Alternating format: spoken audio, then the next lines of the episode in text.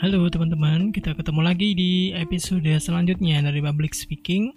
Dan di episode ini akan saya coba sampaikan tentang uh, kita sudah masuk ke materi inti ya.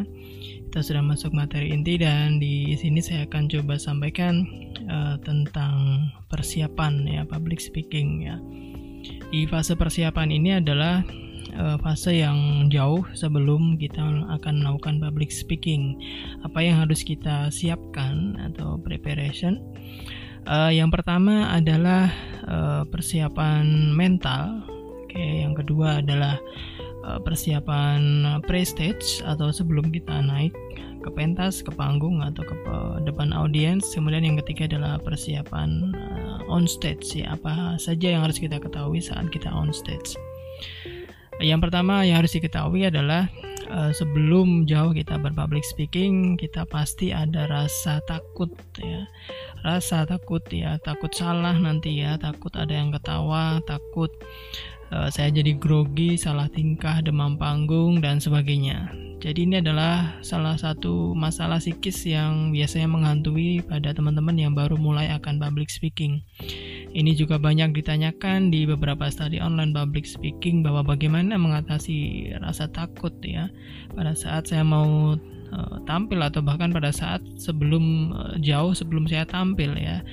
Bahkan pada saat ada orang yang meminta saya berbicara itu sudah uh, takut sendiri ya. Kita sudah parno sendiri jadi ingat teman-teman, yang pertama yang harus kita lakukan adalah kita harus singkirkan dulu takut ini ya kita harus buang efek ataupun pikiran-pikiran negatif tentang public speaking bahwa saya nanti akan gagal, saya nanti akan gugup ya, saya nanti akan diketawain banyak orang ya seperti itu.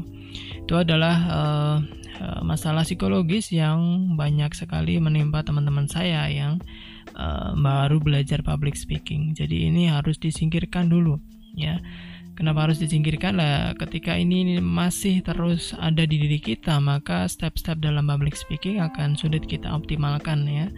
Takut ini akan terus uh, menggelayuti ya dan terus akan membebani kita ya. Jadi kita harus singkirkan ini dulu sebelum masuk ke fase-fase selanjutnya tentunya ya. Jadi takut bukan untuk dihindari tapi untuk di uh, manajemen untuk dilawan ya, untuk dikalahkan. Selama kita tetap takut dan selama kita merasa akan gagal, gagal dan gagal, maka selama itu pula skill public speaking kita akan gini-gini aja ya, tidak ada perubahan, tidak ada peningkatan ya. Jadi di awal kita harus mempersiapkan psikologis kita bahwa kita mampu melakukan public speaking ya. Kita lihat saja teman-teman kita yang sudah bisa berpublic speaking.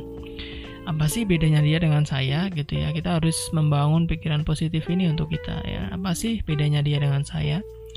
Kita sama-sama makan nasi ya. Makan sehari tiga kali ya. Tidurnya juga 6 jam. Malam juga tidur ya. Mandi juga sehari dua kali.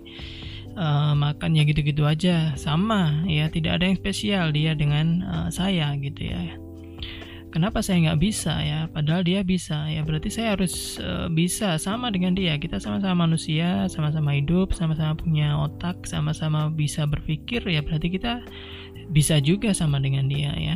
Jadi ini adalah salah satu uh, membangun pikiran positif ya. Kita harus melihat orang-orang yang sudah bisa Uh, dan tentunya mereka yang sudah bisa dan sudah canggih seperti sekarang pasti juga melewati fase ya. Jadi kita harus tetap uh, maju saja jalan saja.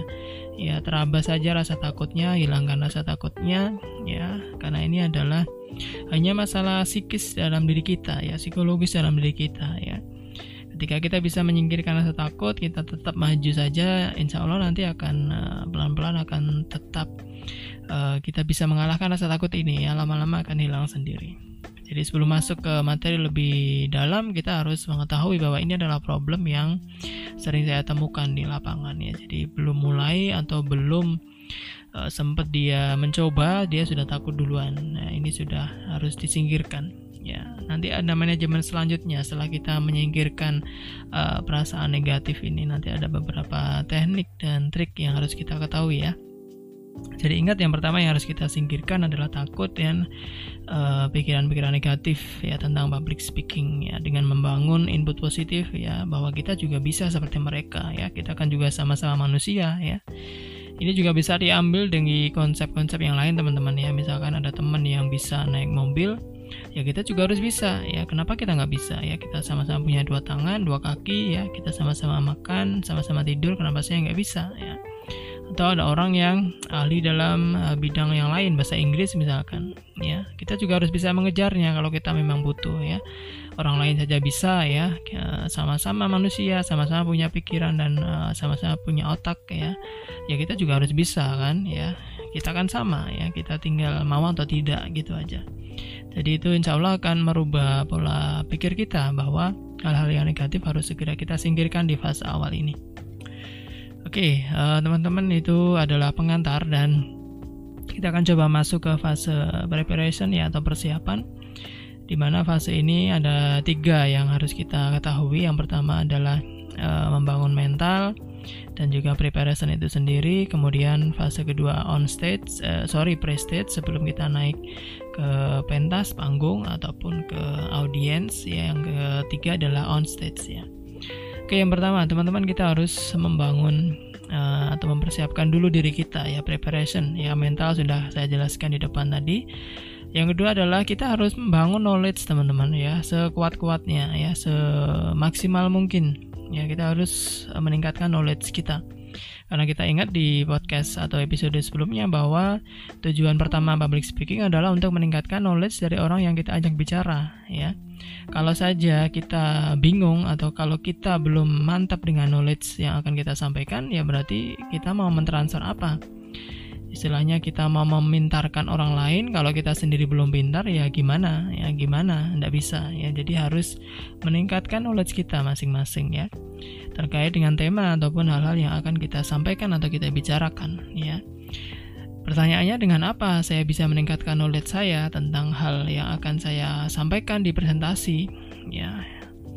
Caranya adalah yang pertama teman-teman banyak baca. Ya ini adalah salah satu hal yang sangat berat tentunya terutama bagi kita orang Indonesia yang culture membacanya masih sangat kurang ya. Kita harus banyak membaca mau tidak mau ya. Kalau saya ingin atau saya diundang untuk berbicara tentang masalah corona ya saya harus membaca banyak tentang virus corona ya. Apa itu virus corona dari mana asalnya strukturnya kayak apa kemudian dia sifatnya seperti apa spreadingnya seperti apa tanda gejala seperti apa ya dan seterusnya. Kita baca dari semua semuanya literatur buku ya yang ilmiah ataupun yang opini yang dari mana saja dari jurnal atau bahkan kita bisa bertanya pada ahlinya pada dokter kemudian pada dokter spesialis paru ya pada orang yang ahli di epidemiologi ataupun di ilmu kesehatan masyarakat dan sebagainya. Kita bisa bertanya pada orang-orang tersebut untuk memperkaya knowledge kita. Ya supaya apa? Ya supaya ketika kita nanti menyampaikan pada audiens pada orang yang kita ajak bicara maka kita bisa mentransfer dengan baik Menurut saya, seorang presentan, seorang narasumber itu harus menguasai sebuah knowledge yang dia sampaikan itu berkali-kali lipat dibandingkan dengan audiens yang sedang diajak bicara. Ya, ketika saya mau menyampaikan tentang virus corona, ya berarti saya harus tahu virus corona lebih banyak daripada audiens saya. Ya, saya harus tahu dua kali, tiga kali, bahkan empat kali lipat supaya ketika saya menjelaskan saya bisa lancar ya saya bisa menjelaskan dengan energi yang sangat positif, saya bisa memberikan input yang sangat banyak pada audiens saya. Bayangkan saya tidak membaca tentang virus corona dan saya harus presentasi tentang virus corona. Ya, saya akan sangat gagap, saya bingung uh, membaca slide. Ya, ujung-ujungnya pasti nanti membaca slide. Ya, tidak menjelaskan tapi membaca slide di dinding ataupun di proyektor. Ya, jadi bisa diketahui seorang narasumber itu menguasai teknik ataupun materi yang dia sampaikan adalah dengan cara dia menyampaikannya seperti apa ya dan kembali lagi ketika kita tidak tahu atau bagaimana caranya meningkatkan knowledge audiens kita ya berarti kita membuang waktu percuma ya. Kita tidak mau meningkatkan knowledge kita yaitu adalah kuncinya. Ketika knowledge kita sudah bertambah dan bertambah maka kita akan lebih mudah menyampaikan knowledge tersebut ya pengetahuan tersebut ke audiens kita. Dan ini berlaku pada semua public speaking ya teman-teman tidak hanya tentang virus corona saja tapi semua semua tema dan topik yang teman-teman coba ingin share kepada kepada teman-temannya pada audiens itu harus dikuasai dengan betul-betul ya persiapan persiapkan dengan betul-betul ada satu quotes yang cukup menarik karena Nah, public speaking itu tidak ubahnya adalah memberi ya yang sudah saya sampaikan di awal podcast ya. Ketika kita mau memberi berarti kita harus punya hal itu lebih banyak dong ya. Apa logikanya nggak seperti itu ya? Ketika saya mau memberi pada seorang ya saya harus punya lebih banyak. Supaya apa? Supaya saya lebih banyak lagi memberi pada orang ya. Dan sebaik-baik pemberian adalah pemberian yang terbaik dari kita. Makanya dari itu kita harus persiapkan dengan baik dengan matang.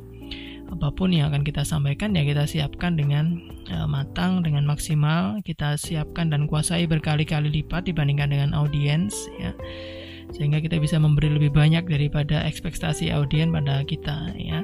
Dengan banyak memberi dan memberi dengan hal yang baik akan jauh lebih lebih baik lagi ya. Kalau kita tidak menguasai sama sekali dan kita uh, memaksa diri kita untuk berbicara maka yang keluar adalah nanti justru ilmu-ilmu yang tidak ada dasarnya ya. Ilmu-ilmu yang terlintas di pikiran kita saja ya.